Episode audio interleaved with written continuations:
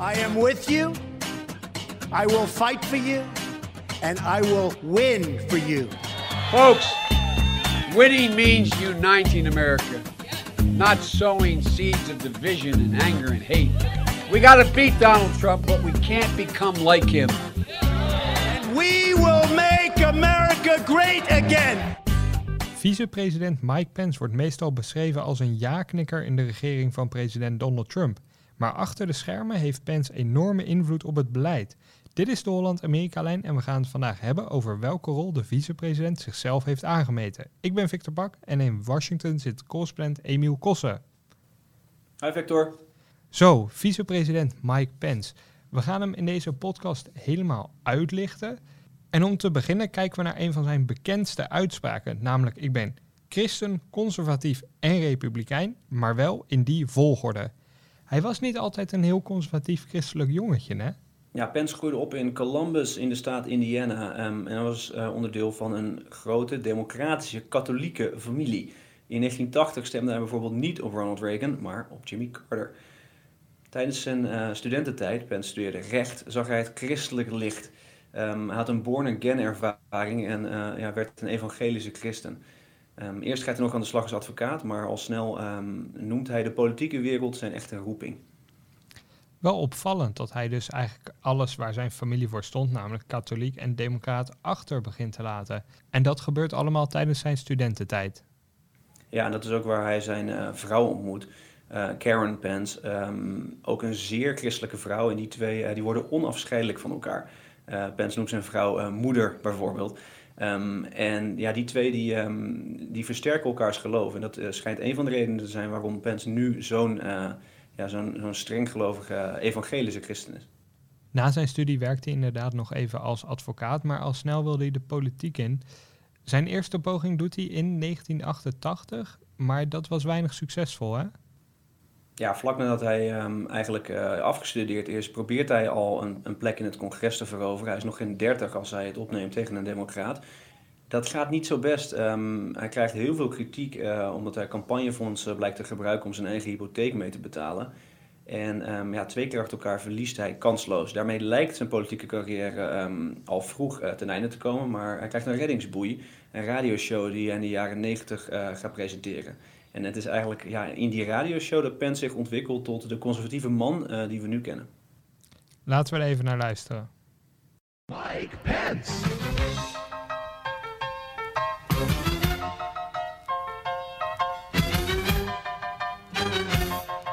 Is adultery no longer a big deal in Indiana and in America? And I'd just love to know your thoughts because I I, for one, believe that the seventh commandment, contained in the Ten Commandments, is still a big deal. It's the most important promise you'll ever make.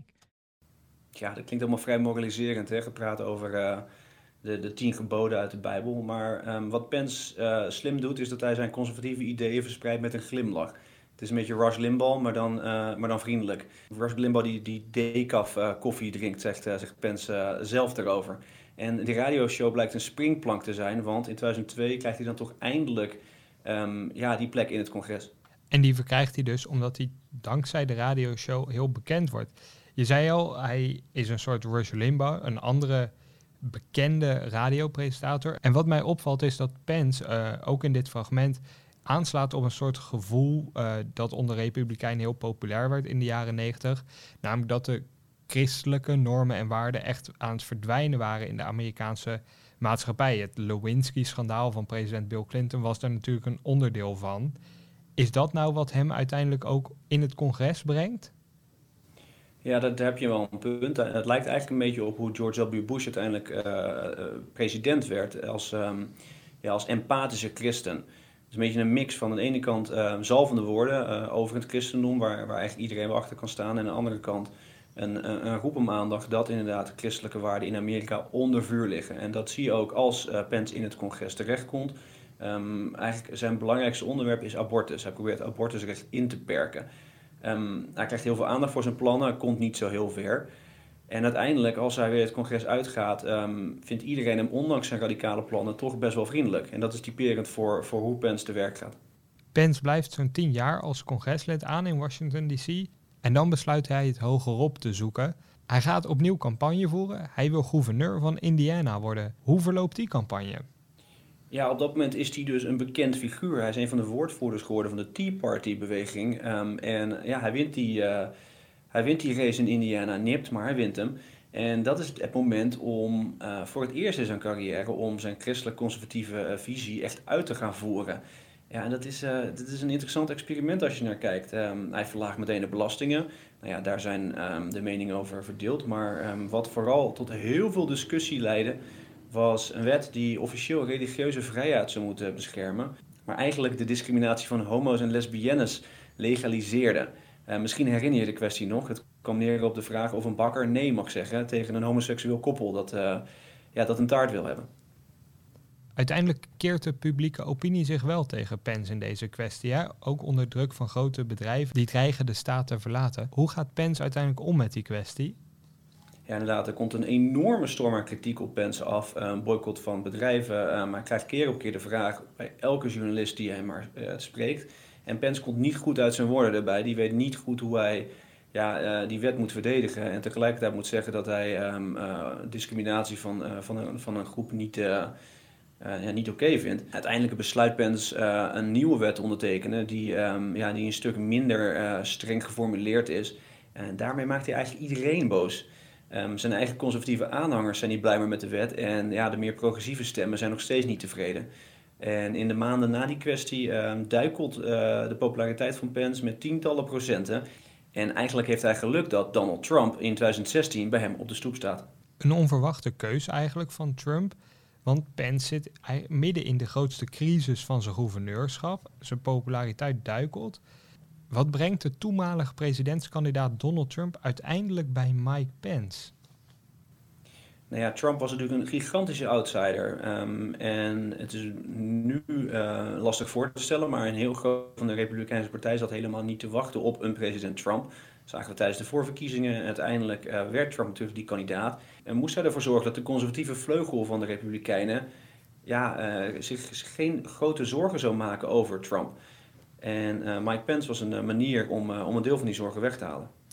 Want we zeiden het al, Pence die was onderdeel van de Tea Party-beweging, die in 2010 heel populair werd onder Republikeinen met grote en felle kritiek op president Obama. Tijdens de voorverkiezingen in 2016 steunt Pence ook Ted Cruz, een ander kopstuk van de Tea Party-beweging. Trump probeert dus de radicalere republikeinen, of de heel strikte republikeinen, aan zich te binden. En dat lukt hem ook. Ja, op dat moment waren dat niet eens meer, ja, voor ons misschien hele strikte republikeinen. Um, maar de, de, ja, de Tea Movement was een, een heel groot blok binnen de Republikeinse Partij. Um, en dus was het logisch dat, dat Trump um, ja, daar banden mee probeerde te leggen. Dat lukt inderdaad. Als je kijkt naar hoeveel evangelische christenen op Trump stemden, ja, dat, dat zijn recordaantallen. En dat komt natuurlijk niet door Trump omdat hij zo'n goede christen is. Dat komt door Mike Pence. Die als evangelische christen een, uh, ja, een baken van rust is voor, uh, voor, voor die kiezers.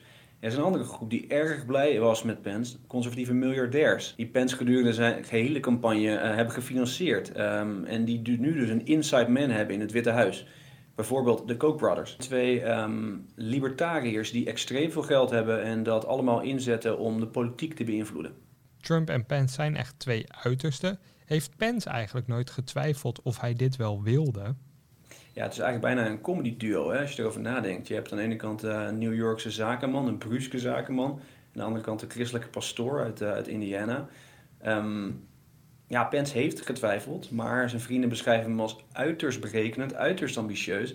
En ja, hij wist donders goed dat dit een van de enige uh, momenten was voor hem om uh, om in het Witte Huis te komen, zeker door al die problemen. Um, Trump heeft ook getwijfeld. Um, die zag uh, toen hij um, uiteindelijk een keuze moest maken voor uh, vicepresident, kreeg hij de bankrekeninggegevens te zien van Pence. Ja, en daar bleek uit dat, uh, dat Pence maar 15.000 dollar op dat moment had op zijn bankrekening. Ja, daar vond Trump helemaal niks. Dat kon eigenlijk niet. En ja, naar het schijnt heeft hij toen nog overwogen om Chris Christie als, als vicepresident te kiezen. Maar ja, zijn adviseurs hebben hem uiteindelijk, hebben hem uiteindelijk weten, weten om te praten. Maar nee, er was twijfel aan beide kanten. De grootste twijfel bij Mike Pence ontstond na het schandaal rondom de Access Hollywood tape. Daarin zegt Trump dat je vrouwen bij een kruis mag grijpen. Pence als strenge christen kan echt niet met die uitspraak overweg. Hij is er volgens mij ook boos om. Hij verdwijnt een soort van 24 uur lang van de radar. De Trump-campagne weet niet waar de vicepresident is. Die heeft allerlei belangrijke afspraken ook afgezegd. Er is zelfs even twijfel of Trump nog wel presidentskandidaat kan blijven. En vooral bij Pence wil ik wel door als de vicepresidentskandidaat van Trump. Uiteindelijk besluit hij om door te gaan. Het schijnt vooral Karen, zijn vrouw, te zijn geweest, die heel erg boos was. Um, uiteindelijk besluiten de twee na dus inderdaad een soort van isolatieperiode, besluiten om een brief te schrijven naar Trump. Waarin ze eh, hem oproepen om toch vooral heel veel te gaan bidden. Trump geeft daar gehoor aan en uiteindelijk winnen ze nog ook. Hoe is de relatie nu tussen de twee, nu ze president en vicepresident zijn? Nou ja, het feit dat Pence er nog zit is natuurlijk een, uh, een belangrijk teken dat het, uh, dat het redelijk goed gaat uh, tussen de twee. Dat er een, verstandhouding is. Maar um, nog steeds is er die gekke, die gekke band. Trump maakt meer dan eens grappen over het diepe geloof van Pence. hij zou schertsend hebben gevraagd aan bezoekers of ze hebben moeten bidden voordat ze Pence kantoor in mochten. Um, en tijdens een, een, vergadering in 2017 maakte Trump de grap dat Pence het liefst alle homo's zou willen ophangen. Maar tegelijkertijd weet Trump donders goed wat hij aan Pence heeft. Want Pence blijkt een echte steunpilaar van de president en zijn beleid te zijn.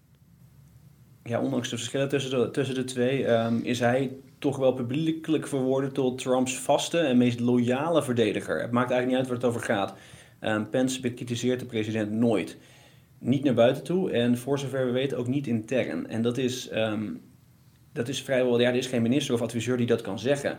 Of het nou de aanpak is van het coronavirus, impeachment, het Mueller-onderzoek. Uh, Pence staat er steeds weer om de president te verdedigen. En dat heeft hem ook geholpen om, om Trumps vertrouwen te winnen, om juist ook op het, uh, op het gebied van beleid invloed te hebben.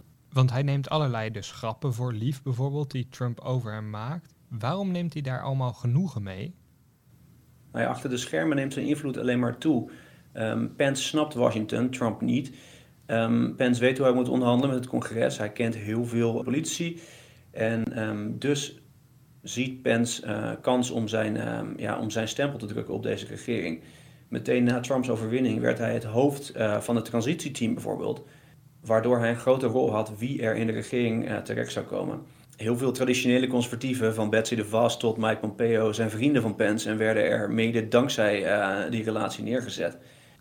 Naast die poppetjes die dankzij Pence worden benoemd, waar zien we nog meer de, de, de hand van Pence in? Nou ja, door die poppetjes uh, wordt het beleid natuurlijk beïnvloed. En ja, je kan echt wel stellen dat heel veel van Trumps meest populistische plannen niet zijn doorgegaan. Deels dankzij de invloed van Pence. Um, Trump beloofde natuurlijk te strijden tegen lobbyisten in Washington. Nou ja, dat is niet gebeurd. Hij zou een einde maken aan groot geld in de politiek. Is ook niet gebeurd. Het tegenovergestelde is waar. Um, er zitten wel tientallen vrienden van de Koch brothers momenteel in het Witte Huis. En daar heeft Pence een, rol bij gespeeld. Wat er wel is gebeurd, werd allemaal wel gesteund door de vicepresident. Um, denk aan het verplaatsen van de Amerikaanse ambassade in Israël van Tel Aviv naar Jeruzalem. Dat was een van de grootste, um, ja, de grootste doelen van Pence. Er zijn strenge regels op abortus. Um, er is een belastingverlaging in 2017 doorgevoerd, die uiteindelijk vooral uh, bedrijven hielp. Ja, en dat vinden Pence zijn miljardairsvriendjes natuurlijk uh, uh, geweldig. Dus de invloed van, van de stille vicepresident, ja, die wordt door velen zwaar onderschat. Pence heeft dus invloed en Trump heeft een belangrijke steunpilaar in zijn regering en ook eigenlijk in heel Washington DC. De eerste vier jaar van het partnerschap zit er nu op. Gaan ze voor een verlenging? Het lijkt er wel op. Uh, Trump waardeert inderdaad um, de steun die Pence hem geeft. En Pence weet als geen ander hoe hij de president uh, tevreden moet houden. Maar um, er zijn wel een aantal factoren die, um, die, uh, ja, die deze situatie kunnen veranderen. Als je nu kijkt naar de peilingen bijvoorbeeld, uh, die brengen veel slecht nieuws voor Trump. Uh, te midden van het coronavirus, sociale onrust, Black Lives Matter. En um, ja, als hij het gevoel heeft dat hij zaken moet opschudden om een betere kans te maken, dan zou uiteindelijk Mike Pence zijn positie toch onder druk komen te staan. Maar heeft Trump echt alternatieven? Want als je Pence eruit zet, dan verlies je misschien wat steun bij die evangelische christenen. En wat hou je ervoor in de plaats? Ja, zoals we hebben gezien de afgelopen vier jaar heeft Trump vooral heel veel Republikeinen boos gemaakt en uh, tegen hem in het harnas gejaagd. En het is maar de vraag of er iemand is die, um, die uh, de waarde heeft van Pence en het ook nog met, uh, met Trump kan vinden. Je noemde Pence als heel ambitieus, iemand die alles overdenkt. Heeft hij dan zelf eigenlijk plannen? Nou ja, hij zegt ehm, eh, niet alleen dat het zijn roeping om de politiek in te gaan, maar ook om uiteindelijk president te worden. Um, als Trump uiteindelijk weggaat um, en Pence bijvoorbeeld uh, president-kandidaat zou worden, ja, het is maar de vraag of, dit, of deze jaren hem gaan helpen om vicepresident te zijn in een van de meest polariserende, explosieve regeringen uit de Amerikaanse historie. Dat is koffie te kijken, dat is lastig. Hij zou het zelf graag willen. Maar um, ja, een, een, politicus als Nikki Haley, die, die gaat een hele andere, andere weg op. Die probeert zichzelf, uh, die probeert het afstand te houden met, met Trump. En dat lijkt een manier te zijn om ja, over een x aantal jaar uh, weer de politiek in te stappen. En een soort van met een schone lei die partij te hervormen. En um, ja, dat kan Pence niet meer doen. The president, as you know, has been tweeting today about Puerto Rico. As we sit here testifying, the president is attacking you on Twitter. Twitter is a wonderful thing for me because I get the word out. COVID 19, the China virus. Death rate plunges from peak in US. A tenfold decrease in mortality. We have the lowest mortality rate in the world. The fake news should be reporting these most important of facts, but they don't. Verbaast me wel die positieve toon van president Trump in deze tweet. Want als ik zo naar de cijfers kijk en de verhalen hoor, krijg ik niet het idee dat het echt goed gaat daar. Nou nee, niet voor niets laat de Europese Unie voorlopig ook geen Amerikaanse toeristen binnen. Uh, maar wat we zien momenteel is een beetje een dubbel beeld. Aan de ene kant gaat het uh, goed in veel staten waar het coronavirus eerst hard toesloeg. Uh, New Jersey, New York, Washington ook. Um, en het dodental gaat steeds verder omlaag. Daar heeft Trump een punt. Maar het dodental is ook een getal dat uh, ja, heel veel vertraging heeft. En um, omdat het aantal coronagevallen in veel zuidelijke staten juist heel sterk aan het stijgen is, kan het aantal doden uiteindelijk ook hard gaan stijgen. Want in die zuidelijke staten is het coronavirus zich echt flink aan het verspreiden. Ja, het gaat vooral om staten als uh, Texas, Arizona, um, Florida, maar ook Californië. Waar uh, nu steeds achtereen uh, recordaantallen coronagevallen worden gemeld. Tussen die staten zijn onderling ook grote verschillen. Bijvoorbeeld California heeft vrij lang een lockdown vastgehouden, terwijl Florida al heel vroeg versoepeld. Toch maken al die staten zich nu weer ontzettend veel zorgen. In California is weer een soort nieuwe lockdown van kracht. Um, in Texas zijn mondkapjes ook verplicht gesteld, begreep ik. Het virus is echt nog niet weg daar, hè? Nee, we zitten nog midden in de eerste golf, uh, zei um, dokter Anthony Fauci uh, deze week. Ja, je hebt gelijk. Um, de, de situatie in Californië is, is, um, is opvallend. Daar hebben ze gewoon een lockdown. Die, daar is nog steeds een lockdown. En toch gaat het aantal gevallen daar omhoog. In het zuiden is er een wat meer logische uitleg voor um, het aantal gevallen. Deze staten gingen maar heel kort op slot. Maar een paar weken in het geval van Texas bijvoorbeeld. Omdat er helemaal niet zo heel veel gevallen waren in de eerste maanden van de coronacrisis. nu zijn die staten weer open gegaan. En ja, dit is eigenlijk pas het moment dat het virus zich daar echt verspreidt. En dat is dus een heel vervelend moment, omdat alles gewoon open is. Bars zijn open, restaurants zijn open, et cetera, et cetera. Um, ja, en daarom gaat het zich nu zo snel verspreiden. Toch schrijft Trump in zijn tweet dat er ook wel positief nieuws is, namelijk dat de dodelijkheid van het virus afneemt omdat het sterftecijfer daalt. Heeft de president daar gelijk in? Het aantal coronagevallen gaat omhoog, maar in veel van deze staten waar we het net over hadden, um, is, het, uh, is de leeftijd, de gemiddelde leeftijd van de zieken, uh, omlaag gegaan natuurlijk belangrijk, want um, ja, hoe jonger je bent, hoe lager de kans dat je in het ziekenhuis terechtkomt uh, of ernstig ziek wordt. Dus gaat, het, um, ja, dus gaat de dodelijkheid van het virus dan ook omlaag in de cijfers. Het, het, is, het is lastig om naar die getallen te kijken. In Texas liggen nu bijvoorbeeld bijna 9000 mensen in het ziekenhuis. Dat is een verdubbeling in twee weken tijd. En dus hebben we het er allemaal over. Tegelijkertijd zijn er nog steeds uh, eh, 12.000 bedden over. Dus het gaat slecht in Texas, maar het is heel erg de vraag hoe het zich gaat verlopen de komende weken om te zien of er echt, uh, ja, hoe nijpend die situatie gaat worden. En um, ja, op dit moment kan Trump dus nog wijzen naar die positieve cijfers. En het is de vraag of dat over een paar weken nog steeds zo is. Het klinkt een beetje als Nederland in uh, pak een beetje begin april, eind maart. Toen zagen we ook flinke toenames, vreesden voor code zwart op onze intensive care, een tekort aan, uh, aan bedden. Eigenlijk staan sommige staten in de VS een beetje waar Nederland stond in die fase. Dat klopt, alleen is het de vraag of, uh, of, ja, of die staten het zo serieus nemen als, als dat Nederland het deed. Want um, ja, in Texas zijn nu maskers verplicht en, en mogen bars niet meer open, maar voor de rest gaat het leven gewoon door. Dus het is ook een testcase om te zien um, ja, hoe snel dat virus zich verspreidt als er niet zo heel veel uh, beperkingen worden opgelegd. En wat probeert Trump daaraan te doen? Probeert hij die staten te helpen of laat hij het vooral die staten het zelf uitzoeken? Ja, dat laatste eigenlijk. Um, de hele coronacrisis hebben we al gezien dat het Witte Huis vrijwel geen leiding geeft. Uh, heel veel zegt um, of heel veel macht in de, in de hand van staten legt. En dat is nu ook zeker het geval. Um, tegelijkertijd geeft Trump een, een, zelf een beeld af van dat het coronavirus uh, niet zo heel serieus hoeft te worden genomen. Um, hij houdt grote evenementen, recht voor Mount Rushmore rond, uh, rond 4th of July. waarbij niet wordt gekeken naar social distancing, waar geen afstand wordt gehouden. Maskers zijn, ja, zijn niet toegestaan in het Witte Huis. Uh, ja, dat soort zaken zorgen natuurlijk voor dat de beeldvorming rond het coronavirus wordt beïnvloed. Maar um, ja, van, van landelijk beleid is eigenlijk vrijwel geen sprake. Tot slot, verwacht je dat daar nog iets aan gaat veranderen? Gaat Trump de touwtjes strakker in de handen nemen?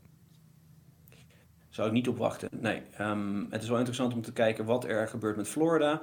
Um, want dat is de plek waar uh, Trump zijn conventie wil gaan houden. En uh, juist Jacksonville, de stad die daarvoor uitgekozen is, um, ja, daar gaat het aantal coronagevallen hard omhoog. En um, ja, dus moet Trump daar misschien wel wat over gaan zeggen. Want anders komt zijn eigen ja, partijfeestje in gevaar.